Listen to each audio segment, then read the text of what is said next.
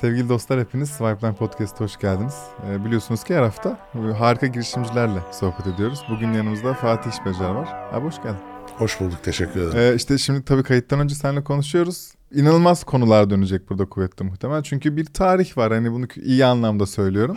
Bilmediğimiz birçok şey var burada. Birinci nesil girişimci diyorlar herhalde size. Ama ilk başlayanlardan yani ilk 97'de ilk girişim akabinde 2000'de Pozitron kuruluyor ve Türkiye'de mobil bankacılık dediğimiz yani uygulama üzerinden hakikaten en büyük paya siz sahipsiniz bunların geliştirilmesinde.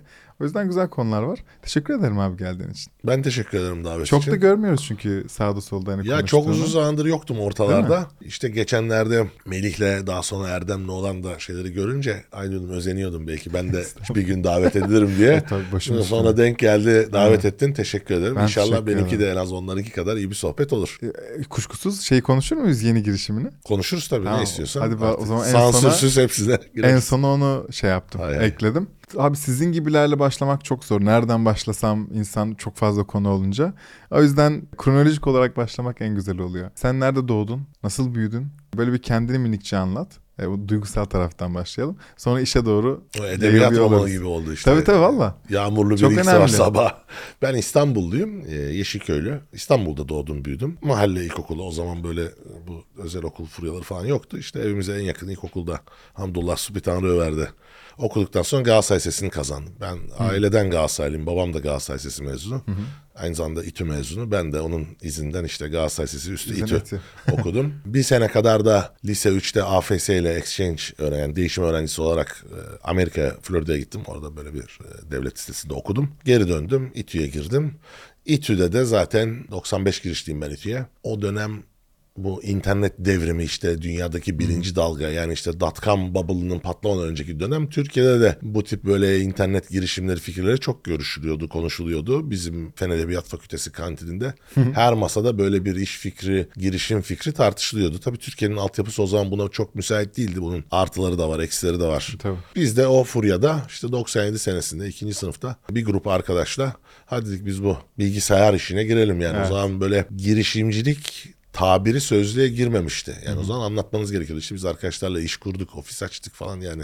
Aslında biz girişimciyiz ifade etmeniz birkaç paragraf Tabii. ifade sürüyordu. O iyi oldu yani 2000'lerden itibaren ne yapıyorsunuz? Girişimciyim. Karşı taraf da anlıyor. Siz de gereksiz kısmını anlatmakla değil, ondan sonra ürününüzle anlatmakla uğraşıyorsunuz. Biz ben Pentagraf diye beş arkadaş oradan böyle bir isim bulduk. Böyle işte yazılım, donanım denemelerimize başladık. 2000 senesinde de ben gene üniversiteden bir grup arkadaşla Positron'u kurdum. Kaç kişi kuruyorsunuz? Yapıyorsunuz? Valla Pentagraf 5'ti. Sonra biz e, o arkadaşlarla değil başka bir arkadaş grubuyla 4 kişi pozitronu kurduk. Burada Fırat abi var mı kardeşim? E, Fırat o esnada yok. Yok. 2000 kuruluşunda yok. İşte dört ortak kurduk. Sonra üçü gitti başka iki ortak geldi. Sonra o iki ortak gitti. Başka bir ortak geldi. Yani benim böyle ortaklık geçmişim biraz kalabalık. Hı hı. Ee, yürütemedim. Yani tabii başlarda ben hep karşı tarafta sıkıntı olduğunu düşündüm ama sonra şimdi geçmişte baktım da yani bu kadar değişiklik olduğuna göre ki bende herhalde sıkıntı varmış. İşte 2005 gibi biz artık Positron'da ne tarafa gideceğimize iyice karar verdik dedik. Biz mobile gideceğiz. Yazılımla uğraşacağız. Başka hiçbir şeyle uğraşmayacağız.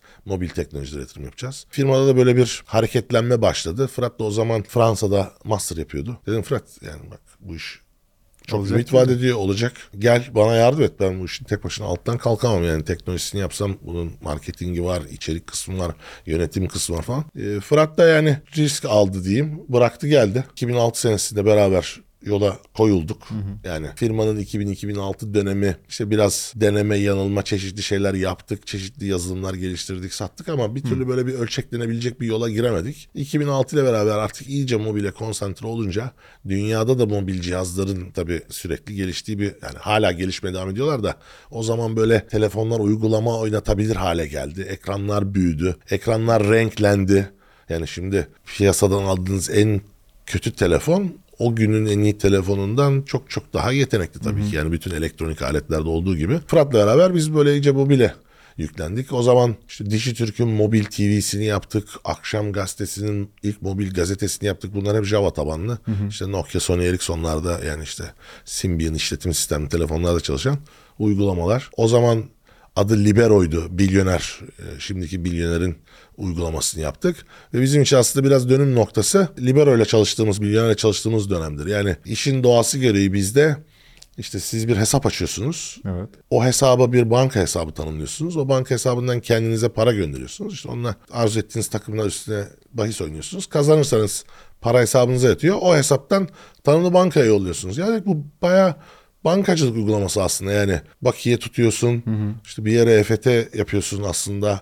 Dedik biz bunu banka haline getirelim. Aklınıza gelecek bütün büyük bankaların görselleriyle arayüzleriyle biz mobil bankacılık uygulaması geliştirdik. Basit bir uygulama yani. iki müşterisi var. İşte ben demo esnasında A telefonumdan B telefonuma EFT yapıyorum. Bakiye değişiyor falan.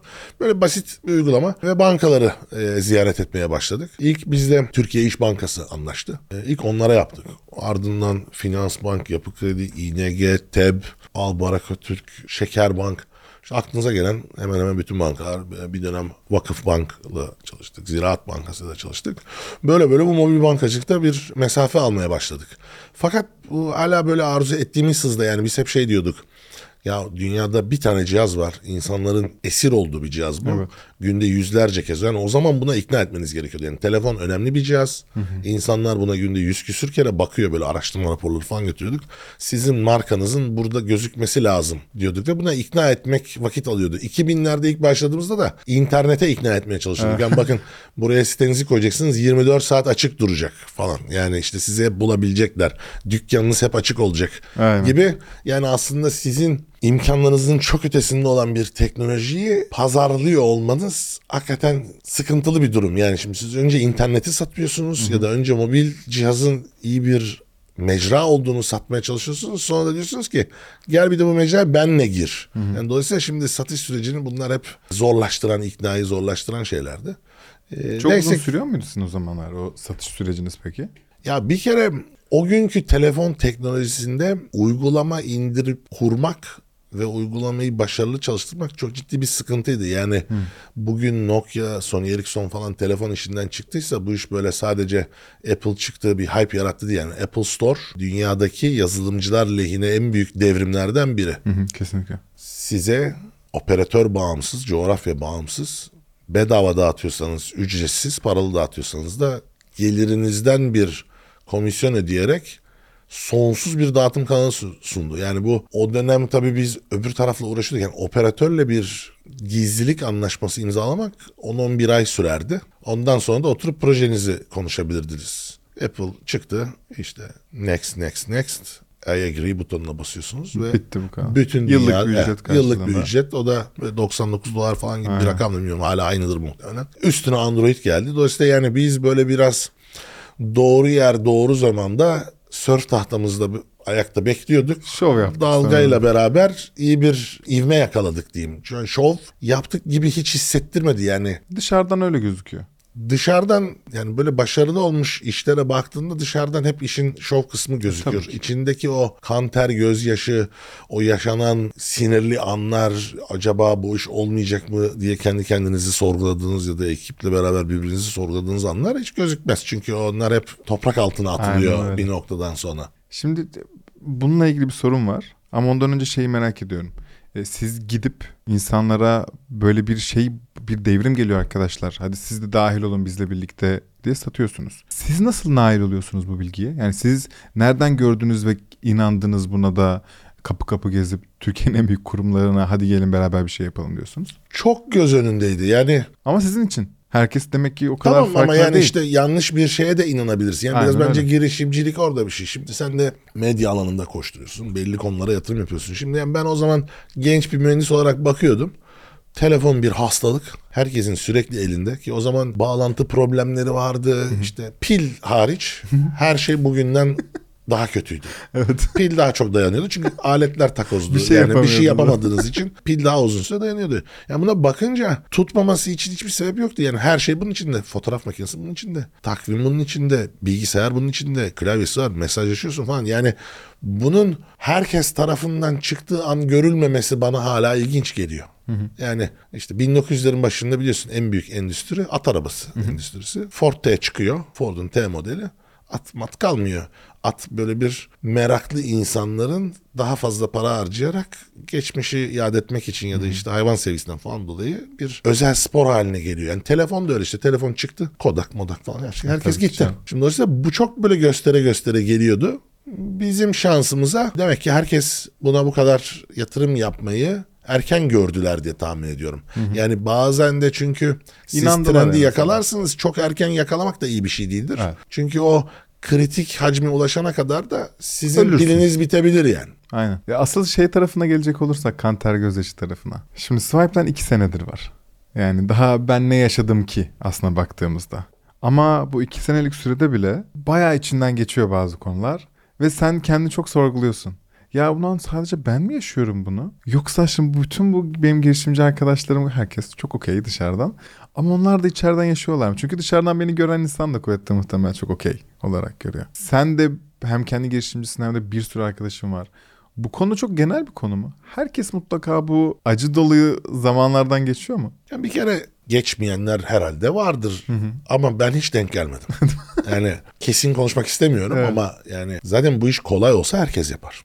Çok zor olduğu aşikar. Özellikle bizim gibi görece iş hayatının daha zorluklarla dolu olduğu, altyapının daha az gelişmiş olduğu ülkelerde bu iş daha da zor. Yani ülkenin gelişmişliği azaldıkça bence girişimciliğin zorluğu da katlanarak artıyor. Evet. Dolayısıyla bence herkes zorluklar yaşıyor. Fakat tabii zaman içerisinde zorlukların tipi ve bence miktarı değişiyor.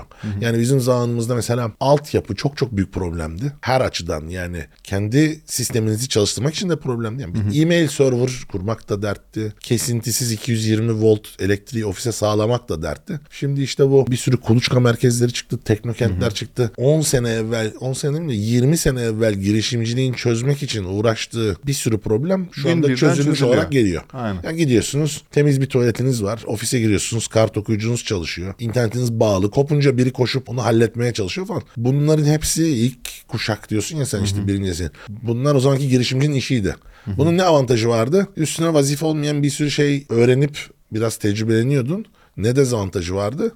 Zaman business'ının dışında çok saçma saçma işlerle uğraşıyorsun. Yani ben mobil teknolojimi geliştireceğim. Ofisin UPS'ini upgrade edip ofise kesintisiz elektrik vermek için işte konu komşuyla mı kavga edeceğim gibi bir sürü sıkıntı oluyor. Şimdi ne oldu? Biz teknokentteyiz mesela. Aha. Her şey İTÜ sağ olsun bize her şeyi veriyor. Yani altyapı olarak bir derdimiz, tasamız kalmadı. Dolayısıyla teknolojiye ya da yapmam gereken işe daha çok konsantre oluyorum. Peki işte Fatih'in bu geçtiğimiz 20 küsür senede en çok dipte hissettiği dönem ne zamandı? Ne oldu da? Ya şu dönem çok kötü dediğim bir dönem yok. Bu böyle çok yani aslında böyle sinüs dalgası gibi. Yani. Orada önemli olan dalganın genel eğimi yukarı doğru mu aşağı doğru mu? Yoksa yani iş iyi gidiyor aslında. Bak yani ölçmek çok önemli. İşi düzgün ölçmek lazım. Ölçtünüz iş yukarı doğru gidiyor. Fakat o gidiş öyle dalgalı oluyor ki yani en iyi ciro yaptığımız en büyük müşteriyi anlaştığımızdan bir ay sonra da sen kişisel bir dip yaşayabiliyorsun. İşin ofisteki herkes tarafından kötü gittiği düşünüldüğü bir dönemde de sen işte bir şekilde kendi pipeline'ını falan bildiğin için ya tamam bu iş oldu galiba deyip böyle manasız bir e, mutluluk yaşadığın dönem de olabiliyor. E, bunu da yani nasıl söyleyeyim çok sık yaşıyorsun. Benim cycle'larım herhalde yani büyük cycle'larım çeyrekliktir. Yani her 3 ayda bir falan böyle biraz modu inip kalkıyor. Küçük küçükler haftalığa kadar sığabilir. Yani ya ne biçim hafta bu böyle iş mi olur diye gidiyorsun. Ertesi sabah gaza basayım ofise daha erken gideyim çok iş halletmem lazım falan diye. Yani o biraz böyle bunu yönetmek de lazım ama yani tabii psikolojik olarak bence girişimcilik zor bir şey. Bir de Evet. ekipler büyüdükçe sorumluluk artıyor. O sorumluluk da hakikaten insanın üstünde bir yük. O da merak ettiğim bir şey. Bu hikaye geri dönecek olursak pozitron hakikaten iyi gidiyor dediğin gibi bütün bildiğimiz bankalarla çalışmaya başlıyor. Akabinde bayağı başka ülkelere de hizmet vermeye başlıyorsunuz. Şimdi şöyle biz ilk başlarda Fırat'la oturup şöyle bir strateji çizdik. Dedik ki biz bizim son kullanıcıya gitmek için gerekli motivasyonumuz ya da arzumuz yok. Yani bir çağrı merkezi kuralım, işte medyaya çıkalım, reklam yapalım. Biz B2B'ciyiz. Birebir toplantılarda daha iyi yapıyoruz. Büyük kurumla çalışmanın Tabii ki dezavantajları da var. Avantajları da var. Dedik biz B2B yapalım. Sonra B2B dedi ki yani kimlere gideceğiz işte. Çok kobi var. 100 bin tane kobi var Türkiye'de. 500 bin tane kobi var. Kobilere gidelim dedik. Pek orayı sevmedik. Sonra dedik ya biz Türkiye Cumhuriyeti'ndeki top 100 firma kimdir? Bir baktık orada banka, farma ve belli sanayi kuruluşları var. İşte telekomünikasyon var. Biz bunların içinden bankaları seçtik. Dedi ki yani sosyal olarak da ticari olarak da bir kontrat yaptığınızda sonra rahat uyuyabileceğiniz endüstriler zaten az. O belli bir ebadın üstünde olmayı gerektiriyor. Ee, biz bankayı öyle seçtik. Sonra bankaların çoğuyla çalıştık ve bir kısmıyla da çalışamayacağımızı anladık. Yani bir kısmı da tabii bizde çalışmadan ya içeride ekipler kurdu ya yurt dışından Elbet. ürün hizmet satın aldı falan. Şimdi oysa bizim böyle pazarda bir yüzde seksen civarı, yüzde yetmiş seksen civarı bir payımız oldu. Kalan yüzde yirmi de çok fragmenteydi. Yani hem 3-4 tane rakip var hem de in-house ekipler var. İyi dedik bitti yani. Ya Biz pazar Türkiye'de- doygun ulaştı sizin için. bizdeki başka endüstriye gideceğimize bildiğimiz iş yapalım. Bankaları işte Orta Doğu'da her Türk'ün ilk yurt dışına açıldığı coğrafya olan işte Türkiye Cumhuriyetleri ve Orta Doğu dedik. Ben defalarca işte Kazakistan'a falan gittim geldim. Katar çok gittik geldik. Sonra Katar'da Doha Bank'la anlaştık. 2011'di galiba. Uçtuk tabii yani. Perişan olduk sonra bir sene sürdü delivery'si. Remote iş dünya ona hazır değil. Gel diyorlar gidiyorsunuz bir faydası olmuyor. Üç gün sonra bir daha gitmeniz gerekiyor falan filan. Çıktık ama ürünü çok hoşumuza gitti. Onların da çok hoşuna gitti. Orada sonra işte Katar'da başka bir banka. Üçüncü bir banka geldi. Sonra Abu Dhabi. Sonra işte Dubai'de böyle bir ufak bir iki iş aldık falan. Suudi Arabistan geldi. Sonra da zaten işte Monetize'la yollarımız kesişti. Aynen. Biraz da böyle duymaya başlamıştık. Onlar da aa bak İngilizler gelmiş burayı denemiş diye. Biz de diyorduk ki yani biz bunları aynı işe talip olduğumuzda bizden bu işi alamasınlar. Diye böyle bir stratejimiz de vardı. Sonra zaten hani biz baktık iş iyi gidiyor. Hadi dedik daha da büyüyelim. Sonra orada Fırat'la şöyle bir karar aldık. Ya dedik biz hani hep bootstrap yani işte kendi yağıyla kavrularak gidiyoruz. İşte EBITDA pozitif, EBITDA pozitif. Şimdi Amerika'ya falan açılacağız. İyi satışçı almak lazım. Orada da böyle paketler büyük. Adamlar da ya da o satışçılar da dünyanın öbür ucunda olacak. İki tane, üç tane alacaksın. İyi çıktı, kötü çıktı. Anlaman 6 ay. 6 ayda zaten 2-3 kişiden edeceğin zarar da çok büyük. Biz de bunu kendi karımızla yapamayız. Investor'a gidelim. Biraz hisse satalım. Hem cebimize biraz para alırız.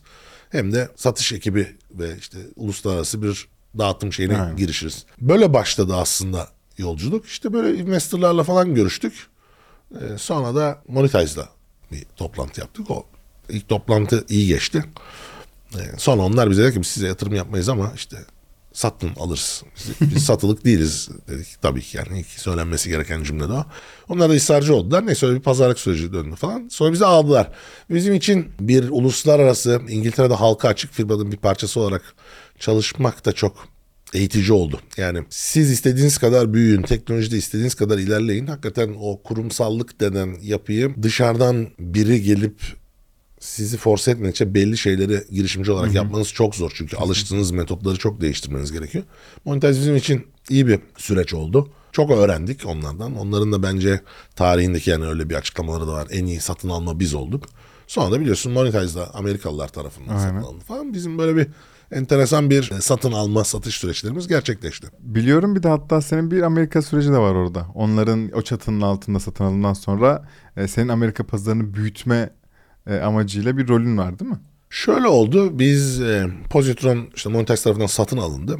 Anlaşma şartlarından biri de kurucu ekip yani ben Fırat e, o zamanki CTO'muz Mete üçümüzün işte non-compete rekabet edememe e, koşulu vardı ve 3 senede çalışmamızı istiyorlardı. 3 sene biz çalıştık orada. Dediğim gibi o dönemde zaten Fırat yönetiyordu firmayı. Mete ile biz de daha teknoloji tarafına falan bakıyorduk. 3 senenin sonunda dedim ki ben gidiyorum yani. Tamam işte anlaşmamız da bitti. Ben dedim merak etmeyin yani gidip işte öz pozitron kurup da size rakip olmayacağız yani. Hani biz tamam yeter artık anlaşma ya da uyduk.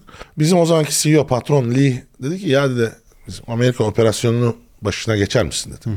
Böyle pat diye ama yani telefonda konuşuyordum ben gideceğim falan diyordum. Olabilir falan karar vereyim. Yok dedi çok acil bu iş dedi. Yoksa dedim Amerika operasyonunu bizim satma ihtimalimiz vardı. Sen gideceksen satmayacağız. Yani Neresi? San Francisco falan böyle bir, bir kere iki kere de ziyarete gittiğimiz bir ofisti. Olur dedim ben de yani. Çarşamba günü anlaştık. Pazar günü ben böyle cuma cumartesi arkadaşlarımı çağırdım falan kılık kıyafetlerimi falan dağıttım. İşte evdeki aksesuarları falan da yani bayağı göç ediyorsun yani. Şimdi bakınca tabii çok ayarsız geliyor. Ayarsız demeyeyim de değişik geliyor yani. Nasıl bu kadar çabuk karar almış falan. En kötü dönerim diye düşünüyorsun tabii. Nitekim döndüm de. Yani gittik atladım ben. E, Monetize Amerika'nın böyle hatta President diye bir kartım vardı falan böyle çalışma izninde de işte President yazıyor. falan. komik oluyordu yani her pasaporttan geçişte. President diye sataşıyorlardı falan. Gittik San Francisco harika bu işte pandemi öncesi o zaman. Yani San Francisco'nun altın çağı diyeyim. Her şey ateş pahası fakat süper keyifli bir şehir. Bir, bir sene falan orada çalıştım. Ee, iyi de oldu. Yani Monetize Amerika çok iyi gitmiyordu biz gittiğimizde. Zaten yani o yüzden bir sıkıntı vardı. Oraya biz EBITDA pozitif hale getirdik. Ee, toparlandı. 20 küsür tane müşterimiz vardı işte Credit Union Banka. Ben onların 21 tanesini tek tek ziyaret ettim. Hatta birkaç tanesi şey dedi. Hani ilk defa fiziken biri ziyaret ediyor. Yani gittim fiziken hepsini ziyaret ettim. Ee, bir kısmı bu ziyaretlerin fayda verdi. Biz de çalışmaya devam ettiler. Bir upsell'ler falan yapabildik. Birkaç problemli konu vardı. Onları çözdük falan. Amerika'da çalışmak da çok değişik. Yani e, Amerika insanların business'la kafayı bozdu demek istemiyorum ama bununla yaşadığı çok enteresan bir şey. Yani herkes her şeye business olarak bakıyor ve bizdeki kültürden en büyük farkı kişi tamamen kendi kazanacağına odaklanmış durumda. Yani ben seninle iş yapacağım. Sen benden fazla kazanıyorsun. O zaman bu iş olmaz kafası vardır ya bizde. Orada o yok yani. Ben kazanıyorum. Şu kadar kazanırsam memnunum. Sen istersen on misli kazan. Payım belli, anlaşmışım. Evet. İş ve yapıyorum. Güzel. mutlu oluyorlar. Dolayısıyla o da bana yani bireysel olarak öğretici bir süreç oldu. Sonra Monetize Amerikalılar tarafından alındı. Biz de Amerikalılarla böyle bir yandan deal yaptık. İşte Monetize'ın bir kısmını da biz satın aldık. Ve rebrand edip Comensis yaptık. Tekrar döndük Kürkçü dükkanına. İşte İTÜ Teknokent'e döndük. Ee, gene aynı işlere e, daldık. Ya bu çok garip bir şey. Çünkü bir şirketi satıp sonra geri almak bir kısmını veya tamamını çok bizim karşılaştığımız bir şey değil Türkiye'de. Bir iki örneği var diye biliyorum. Evet varmış. Yani ben yok diye düşünüyordum. Konuyu bilen böyle büyükler hep Aa, bilmem kim de zamanında öyle yapmıştı dedi. Yani bizim de iyi oldu denk geldi. Çünkü şeyi soracaktım. Rekabet edememe var. Aslında senin şu an komersi yapamıyor olman lazım mantıken. Sözleşme gereği. Yok bizim o sürelerin hepsi bitti. Yani Ha, ama ben bir de süresiz sandım Zaten- da rekabet edememeyi. yok süresiz yani buradan hani girişimcilere sesleniyorum. Süresize de okey dememeleri lazım zaten. Yani şimdi sonuçta bir insanın bildiği bir iş var şimdi elinde çekiç olan her şey çivi görülmüş. Yani şimdi ben bu saatten sonra çok baktım farklı endüstrilere. Yatırımcı olarak da bir sürü endüstriye e, girdik ama taş yerinde ağırdır. Yani insanın bildiği işi yapması lazım. 3 sene hadi bilemediniz 5 sene rekabet edemem anlaşması yeterlidir. Süresizi önermiyorum e, insanlara. Şimdi çok da örneği olmadığı için ben ekstra merak ediyorum. Bir kısmını satın aldık diyorsun Monetize'ın. Orada hani kısım ne demek? Şu an %100'ü size ait değil mi? Yani Comensis'in. Ha yok tabii ki biz Heh. yüzü bize ait. Yani ama Monetize Türkiye, İngiltere, Hong Kong, Amerika'da faaliyet gösteren bir firmaydı. O işte dört ülkeye yayılmış firmanın belli bir ürün grubuyla belli bir e, kontrat grubunu biz satın aldık. O yüzden bir kısmını diyorum. Heh, tamam, Onun tabii ki yüzde yüzünü aldık. O yüzde yüzün adı Comensis oldu. Yani şeyi söylemiyorsunuz değil mi ne kadara sattığınızı? Sattığımızı söylüyoruz. Biz 100 Söylüyor milyon dolara satıldık. Ha, tamam, o, çünkü doğru. o zaman gazetelere falan yani alıcı firma halka açık olduğu için Ha, doğru gerçi evet. Sen Bir de neredeyse onlar 10 bildirmek sene zorunda. oldu yani. yani 2014 Ş- Şubat'ta bu açıklandı. Bizim Positron Monetize tarafından 100 milyon dolara satın alındı. Peki ne kadara aldığınızı Onu halka açık olmadığımız için biz söylemiyoruz. Yani böyle bir oran falan da gerçi çok kolay oranda belirtirsen. Yani şeyi çok merak ediyorum. Ne kadar risk alındı bu işte ve siz ne kadar hakikaten aldığınız parayı bir yere gömdünüz? Onu merak ediyorum. Ben hani buna şimdi tabii rakamsal ipucu vermeden şöyle diyeyim. Biz bu satışta da mutluyduk. Geri alımda da mutluyuz. Tekrar işe dönmekten de çok mutluyuz. Bizim için bu süreç keyifli ve her açıdan iyi şekilde yürüdü ve yürümeye devam ediyor diyeyim. Tamam pekala. Ee, şey var mı? Bütün bu deneyimler sonrası satıldı, alındı, yeni rebrand oldu vesaire. Pozitron'dan daha farklı yapıyor Comensis bazı işleri dediğiniz konular var mı? firmalar yaşayan organizma gibi yani daha iyi tabii ki yapıyor yani bir kere ekip büyüdü daha oturmuş bir yönetim kadrosu var dünya değişiyor teknoloji değişiyor yani zaten bir işi siz 500 senelik Avrupa'da böyle aynı çıktığınız yerde kalan mücevherci işte ne bileyim çantacı falan böyle bir luxury ürün yapmıyorsanız zaten gelişen tekniklerle yapmanız lazım. Comensis tabii ki Positron'dan daha iyi bir firma oldu. Ama o dediğim gibi yani hep üstüne koyarak gidiyor bu. Dolayısıyla çok doğru olmaz yani şimdi 2010'da pür girişimci tarafından yönetilen e, Positron'la işte şimdi geçmişe dönüp baktığımda işte 20 sene iş tecrübesi işte yani bir nevi kurumsal çalışmış da olduk Monetize'da profesyonel olarak falan. Tabii ki Comensis şu anda daha iyi e, bir firma haline daha hayalimize uygun bir firma haline gelmiş durumda diyebilirim. O zaman Dataraid'i konuşalım. Aa yani Datorite işte dediğim gibi bu elinde çekiç olan her şeyi çivi olarak gör. Benim son dönemde böyle dilime pelesenk oldu bu laf. Yani işte IT'ci olunca dönüyorsun dolaşıyorsun gene IT projesine giriyorsun. Biz bu işe çok uzun zamandır kafamızda vardı zaten. Yani Zaten 2000 spin-off olarak adlandırıyorsun. 2015-2016'dan beri. İşte ufak ufak bir şeyler yapmıştık. Tabii başladığımız yoldan çok çıktı pozitif manada. Ve iki sene, iki buçuk sene evvel işte Datorite olarak ayrı bir firma haline geldi. Ee, iyi gidiyoruz, memnunuz. İşte gene ağırlıklı olarak bankalarla çalışıyoruz. Pozitron'da başaramadığımızı Datorite'de ilk defa başardık. Dört büyük özel bankanın dördüyle çalışıyoruz. Yani Akbank, İşbank, Yapı Kredi, Garanti. Ee, Gene bankacılıkta belli bir e, büyüklüğe geldik. Şimdi işte Azerbaycan. Orta Doğu falan. İşte yani Türkiye'de öyledir, girişimcilik de öyledir, biz de öyleyiz. Böyle belli e, Paternler var. belli paternler var. Böyle 5 senede bir, 10 senede bir, 20 senede bir kendini tekrar. Dünya gence, genel olarak öyle. E, bakalım gene genç bir ekip. Çok gayretli bir yazılım ekibimiz var. Ürün ekibimiz de 60 kişi olduk. E, iyi keyifli oluyor yani. Bir de tabii insan yaşlandıkça stresi azalıyor. Stresin azaldıkça bence beraber çalıştığın takım arkadaşlarının da stresi azalıyor.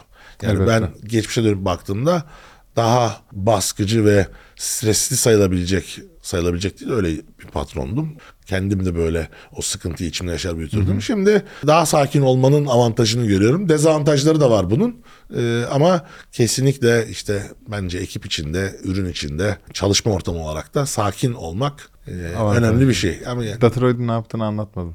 Datorate şöyle e, biz kurumların dijital kanallarına SDK yani bir kod parçacığı vererek orada gerçekleşen bütün hareket verisini işte onu tıkladı buraya bunu yazdı. İşte ileri dedi geri dedi. İşte aklına gelecek her şeyi transactional data event datasını bir sunucu ortamına taşıyıp orada gerçek zamanlı bunu analiz ederek insight yani çıkartıyoruz. İşte bu kişiye şunu gösterebilirsin buna bunu yapabilirsin.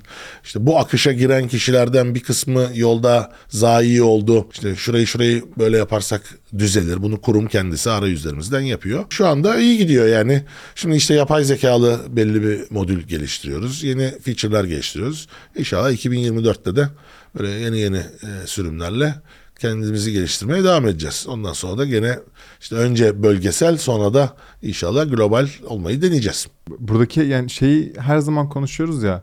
Satmak için yola çıkılır bazen satmamak için. Hani en başta karar vermek gerekir hikayesi. Bu senin bebeğinin bebeği. Haliyle ne Ama kadar başta büyük- karar verme diye öyle bir durum yok yani. Bence de yok bu arada. O yüzden hani öyle derler diye söylüyorum. Sizden Bir- nasıl bilmiyorum ama. Bir kurum yani biz pozisyonu kurarken bir zaten exit tabirini falan bile bilmiyorduk yani. Ha. Şimdi 2000 sene yani o, o bambaşka bir dünya yani onu anlatmayayım. Yani o zaman mali müşavirle bile konuşmak sıkıntılıydı falan. Yani o böyle taş devri biz taşı taşa vurarak ateş yakıyorduk gibi düşün. Yani o zaman sıkıntılı bir dönemdi. Şimdi bu işler daha oturdu. Yani jargonu oturdu. Kurumlar startuplara karşı kaçan fırsatları gördükleri için daha toleranslı ve daha açıklar. Randevu alabiliyorsunuz. Kesinlikle. Yani randevu alabilmek 10 sene evvel zordu. 20 sene evvel bir başarıydı. Yani kazırdınız ilgili kişiye uğraşana kadar. Şimdi bir sürü başarılı e, yerli yabancı startup olduğu için bunlar da kurumların ya da kişilerin ciddi problemlerini çözdüğü için şimdi onlara karşı daha bir saygı ve merak var. Evet. Görüşebiliyorlar bizim zamanımızda. Yani ilk zamanlarımızda bu sıkıntılıydı. Biz bir firma tabii ki satılabilir. Bu, güzel de bir çıktı. Ama her zaman satılacak diye kaide yok. Halka açabilirsiniz. Elbette. Siz satın alan taraf olup büyüyüp globalleşebilirsiniz. EBITDA pozitif yani karlı bir kurum haline getirip ömür boyu Devam ya da kurumun ömrü boyunca bu işten kazandığınız parayla geçinebilirsiniz. Yani bir sürü metodu var. Batabilirsiniz. Yani bu böyle ben bunu kuracağım 3 sene 5 sene sonra satacağım. Yola çıkarken tabii ki iyi bir Hedef. hayal, hedef ama yani gerçekler İstediğiniz her zaman olmayabilir. öyle olmuyor. Sizde şu an böyle bir şey yok anladığım kadarıyla. Ne olacağını bilmiyorsun. Senin tek istediğin büyütmek ve nereye gideceğini mi görmek? Ya bir ürün iyi olursa ve bu ürünü eğer satmayı başarırsan zaten o başarı bir şekilde kaçınılmaz şekilde gelecektir. Bunun yani başarı tanımı bizim için ne olur? Evet satış olabilir. Hiçbir sakıncası yok. Ee, Hoşumuza da gider. Ee, ekibin de eminim e, hoşuna gidecektir. Ya da dediğim gibi işte Türkiye'de ya da yurt dışında bir yerde halka açılmak olabilir. O da değişik. Hiç daha önce yapmadık. Hmm. Commerce'de düşünüyor musunuz böyle bir şey? Ya çok düşündük. Yani burada borsaya açılalım mı açılmayalım mı diye. E, sonra vazgeçtik. Yani getirisi ve götürüsünü hesap ettiğimizde ya dedik bu sanki bizi uzun vadede çok uğraştıracak e, Evet. bir olay haline gelecek. Yapmadık ama e, bir sürü firma yaptı ve çok başarılı e, halka arzlar Şu gördük. bayağı teknoloji firmalarının halka böyle patır patır. Evet her firmanın Görüyoruz. yani halka arz her firmanın furyası var bu ara. Tabii borsanın tabana dağılması, e, buradan e, firmaların hele şimdi faizlerin yükseldiği ortamda halka arz vasıtasıyla firmalara finansman sağlayıp daha sağlıklı, daha kuvvetli hale getirmeleri son derece pozitif bir şey. E, ama dediğim gibi yani biz şimdilik Comens'te böyle bir yola çıkmadık ama ileride belki kararımızı değiştiririz. Peki yani baktığımızda diyorsun işte mobilin geleceğine inanıyorduk. İkna ettik insanları. Önce kendimizi sonra insanları. Hiç yanlış bir şeye inandığın oldu mu? Tabii ki canım. Ha. Yani, bir kere gereğinden fazla bilgi akışına maruz kalınca bir konu hakkında sen o konuyu konumlandırdığın yer yanlış oluyor. Yani sen düşünün, dünyadaki en önemli konu bu. Evet. Halbuki değil daha o işin 5 senesi 10 senesi Sen ateşli bir insan Evet, için sen heyecanlı. ateşli bir insansın. Aynen. Okuyorsun iki tane araştırma okuyorsun. O gelecek bu olacak falan eyvah diyorsun. Dünyanın sonu geldi ya da işte dünyada devrim oluyor. Hemen o trene binmem lazım. O dünya tın tın tın gidiyor. Ama günün sonunda ana trendleri ıskalamıyorsun. Çünkü zaten ana trendlerin ne olduğu belli. Yani işte şu anda nedir? İşte yapay zeka, yok topraksız tarım, 3 boyutlu printerlar falan. Yani dünyadaki ana trendler belli. Ama ben ilk 3D printer haberini okuduğumda uuu Türkiye'de sanayi taş taş üstüne kalmayacak falan diyordum. İşte 15 senedir Hayır. hala çok bir etkisi yok. Ama işte bu bir barajın yıkılması gibi yani. Bu işte bu arada arkada birikiyor, birikiyor, birikiyor. O bir anda kapaklar açınca tabii sel olup da çok yıkıcı ya da yapıcı etkisi olabiliyor bu tip teknolojilerin. Peki trend avcısı olmalı mı? Az önce bahsettiğin gibi dünyada bir trend her zaman var ve değişiyor. Geçen sene baktığımızda bu NFT ve Web3'tü. Bu sene baktığımızda yapay zeka. Belki seneye robotik olacak artık her neyse. Ve bazı arkadaşlarımız her zaman o hype neyse bir bakıyorsun orada böyle Yani onu bayrağı seven, eline almışlar. seven insanlar var yani. Şey benim için de keyifli oluyor böyle. İşte belli figürler. Yeni bir şey çıkıyor. Hayatında ilk defa duymuşsun. İşte onun expert of bilmem Aynen. ne falan. Yani o böyle dediğim gibi eğer e, vitrine o yönelik hareketler yapıyorsan tabii ki trend takip etmek herhalde mühim bir şey. Kendi işiyle ilgili bir insanın mutlaka bir kere trendlere hakim olması lazım. Yani o trendin başarılı olmayacağını düşünse dahi yani göz ucuyla oraya bakması lazım ki işte bir değişiklik olursa ya da ne bileyim işte rekabette bir şekilde biri onu öne çıkartırsa onunla ilgili en azından savaşacak datası olması lazım ya da kullanıp üstüne bir şey build edecek kadar fikri olması lazım. Mesela trend kendi iş alanında literatür takip etmek, trend takip etmek önemli. Ama dünyadaki bütün trendleri takip etmek falan böyle bir şey. Böyle bir şey imkansız yani. Niyetlenmemek de lazım herhalde. Şu an inandığın bir şey var mı? Yapay zeka yani ben yapay zeka ve üç boyutlu yazıcı bu dünyayı tarihinde olmadığı kadar değiştirecek bir şey. Ve Çok çok ilginç bir şey. Ve yani belli ülkeler bu işe kafayı takmış vaziyette takılma kafa takılması gereken bir konu. Ee, Türkiye maalesef bu bu trenin daha hani son vagonuna bile binmiş değil. Ee, umuyorum ıskalamayız. Yani çok büyük bir devrim geliyor. Zaten işte chat GPT'leri falan görüyoruz. Bu bir de ivmelenerek artan bir şey yani. O kendi kendini daha hepimiz- hızlı eğitecek. Daha hızlı eğittiği için daha iyi çıktı verecek. Ama böyle bir, bir döngü var orada ve kendi kendini besleyen bir döngü. Ee, dünya için bence çok inanılmaz bir dönem geliyor. Yani işte çeşitli videolar izliyoruz. Sürücüsüz araçlar şu anda Amerika'da taksi hizmeti veriyor. Tabii. Biniyorsunuz, San. Francisco'da şu an deneniyor. çoğunlukla. Bizde Uber yasak mesela. Yani şimdi e, otomotiv endüstrisi e, şoförlük herhalde dünyadaki en büyük meslek grubu. Yani şoförlük demeyeyim de bir aracı kullanmak, operatörlük diyelim. Bunun içinde araba, uçak, otobüs. Kalmayacak bunlar. Kalmadılar. Şu anda bir sürü örneği var. Yakında bunlar ucuz diyecek ve herkesin yapabileceği gelecek. Ne olacak? Milyonlarca şoför dünyada işsiz kalacak. Yani bunların hep düşünmesi lazım ama çok fütüristik konular bunlar. Yani Ama bir anda geliyor işte. bir anda geliyor ama işte sen de şimdi 5 sene önceden 10 sene önceden şoför kalmayacak deyip onunla ilgili bir şey yaparsan da işte 5 sene 10 sene Beklemek zorundasın. trendin o kritik kitleye kitleye varmasını beklemek zorunda kalıyorsun. Evet, o o yüzden çok ölebiliyor. takıntılı olmamak lazım. Ama yeniliklere de açık olmak lazım. Abi eklemek istediğin bir şey var mı? İşte biliyorsun Dataloid'le Comensis sağ ol sen de sordun anlattık. Genç yetenekli arkadaşlardan da eğer kariyerinde işte bu alanlarda ürün geliştirmek, teknoloji firmasında çalışmak isteyen varsa Comens'in ya da Dataroid'in e, web sitelerine girip Tamam. e, uygun pozisyonlara bakabilirler. Gençlerle birlikte çalışmayı çok seviyoruz. E, ihtiyacımız da var ikisinin de ekibini büyütmeye. Hani senin izleyicilerinden, dinleyicilerinden arzu eden olsa web sitemize girip baksınlar. LinkedIn'ini aşağı koyayım mı açıklama kısmına? Koyabilirsin tabii. Tamam. evet, Hem tamam. oradan rahatça iki şirketin de LinkedIn hesabına gidebilirler. Dostlar duydunuz hani Comensis her yaz otelde falan çalıştırıyor. İstediğiniz gibi gidip Ha, gelebiliyorsunuz. Summer Campus'umuz evet. Haberiniz olsun. O Hani bayağı, evet, bayağı tuttu o. Güzel de oldu. Ya bence örnek bir şey zaten. Valla onu böyle Fırat geldi. Ya dedim yapmayalım çok masraf. ee, tabii Türkiye turizm cenneti. Evet. Antalya'da bir önce Bodrum'da yaptık sonra Antalya'da yaptık. Cennet gibi tesisler. Harika ikram. Yani ve pozitif etkisi oldu. Tabii canım. Bir de o buradan şuradan çıktı. Şeyi gördük biz. Pandemide biz uzaktan çalışmaya geçtik. Ve yeni gelen arkadaşların neredeyse yarısı birbirini hiç görmemiştim. Yani görmemiş dediğim toplantı yapıyor, dijital olarak fiziki görüyor ama olarak yan yana fiziken hiç yani o eski usul ofis şeyini yaşamamışlar. Dolayısıyla biraz onu kırmak için başladı. Sonra baktık moral motivasyona çok katkısı oldu. E, Herkes sevdi. İşte devam ediyoruz. Ya haberiniz olsun yani. Bence bir göz atın Evet. derim. Teşekkür ederim abi gelip Ben anlattığın teşekkür için. ederim davet ettiğin için. Ee, Seni sohbet etmek hakikaten keyif her zaman. Her Ama zaman bunu böyle bir beklerim. kayıt altına almak, en Evet. azından da Troid'i bir konuşmuş olmak sanırım hiç konuşmamıştın. Hiç konuşmadık. Ee, evet. bizim için İlk de defa oldu. bize nair o. Hani bize Evet. şey oldu. Sağ ol, Ee, teşekkür ederim. Ne denir ona? Nasip oldu. Teşekkür ederim. Dostlar vallahi gördünüz. Adam burada ve e, açık açık anlattı her şeyi. Umarım sizin için de çok keyifli olmuştur. E, biliyorsunuz ki Umut'cum böyle sorular sorsaydın daha iyi olurdu gibi, gibi şeyleri her zaman açıklamak şey, e, yorum kısmına bekliyorum. Ya da yeni birini konuk almamı istiyorsanız öneriniz varsa da yorumlara bekliyorum. Çok vahşi sorular gelse ikinci artık ikinci bölümümüzde. Aynen. Bu gerçekleşebiliyor bu arada. Evet tabii ki. E, böyle bir şeyimiz de var. Soruları eksik etmeyin. Kendinize çok iyi bakın. Bir sonraki bölümde görüşürüz. 是这个。